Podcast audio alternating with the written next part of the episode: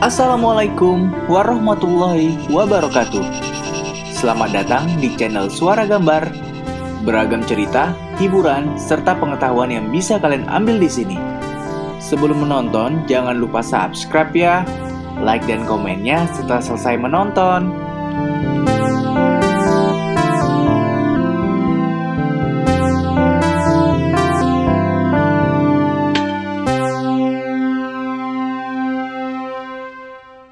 Kak Angga mau membaca buku yang berjudul 31 Cerita Bada Isa 1. Yang keempat, Ratu Bilqis. Karena kehendak Allah Subhanahu wa taala, semua burung patuh kepada perintah Nabi Sulaiman alaihissalam. Pada suatu hari, Nabi Sulaiman tidak melihat burung hudhud. Burung itu pergi entah ke mana tanpa seizin Nabi Sulaiman. Kalau dia tidak bisa memberi alasan yang kuat, aku akan menghukumnya dengan hukuman keras, kata Nabi Sulaiman. Ternyata tidak lama kemudian datanglah burung hudhud. Hambamu baru saja melihat sebuah negeri bernama Sabah Negeri itu diperintah oleh seorang raja perempuan bernama Ratu Bilqis.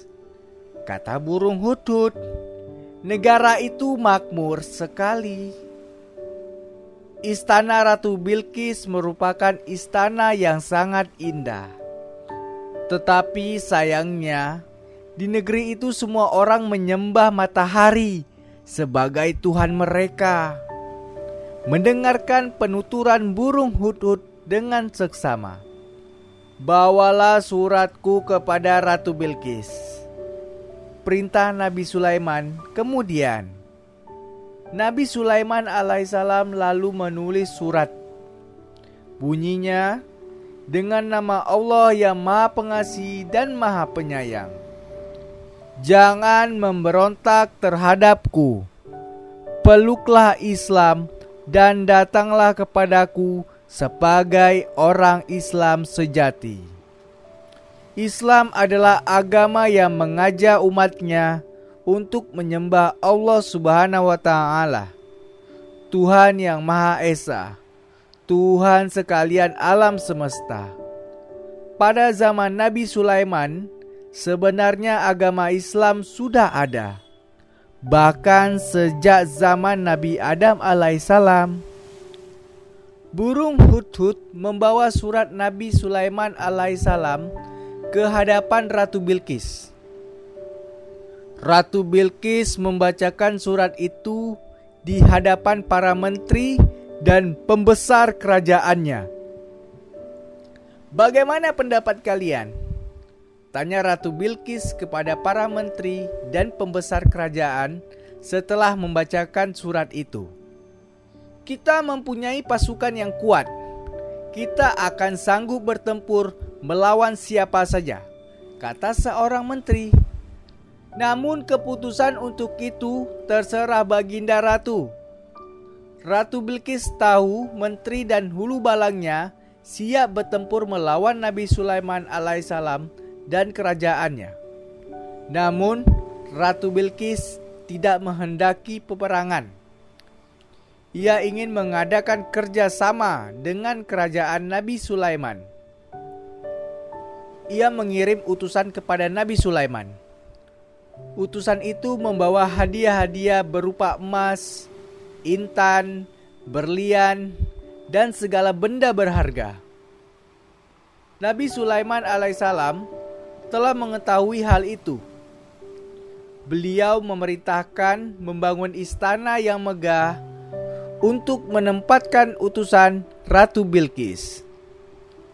Ketika para utusan tiba, terkejutlah mereka menyaksikan betapa megahnya istana itu.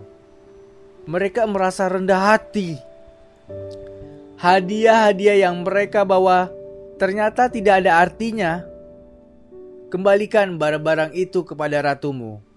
Kata Nabi Sulaiman alaihissalam, Ketahuilah, aku telah diberi rezeki yang tidak terhingga oleh Allah subhanahu wa ta'ala. Apa yang dimiliki oleh ratumu tidak sebanding dengan apa yang kumiliki karena berasal dari Allah.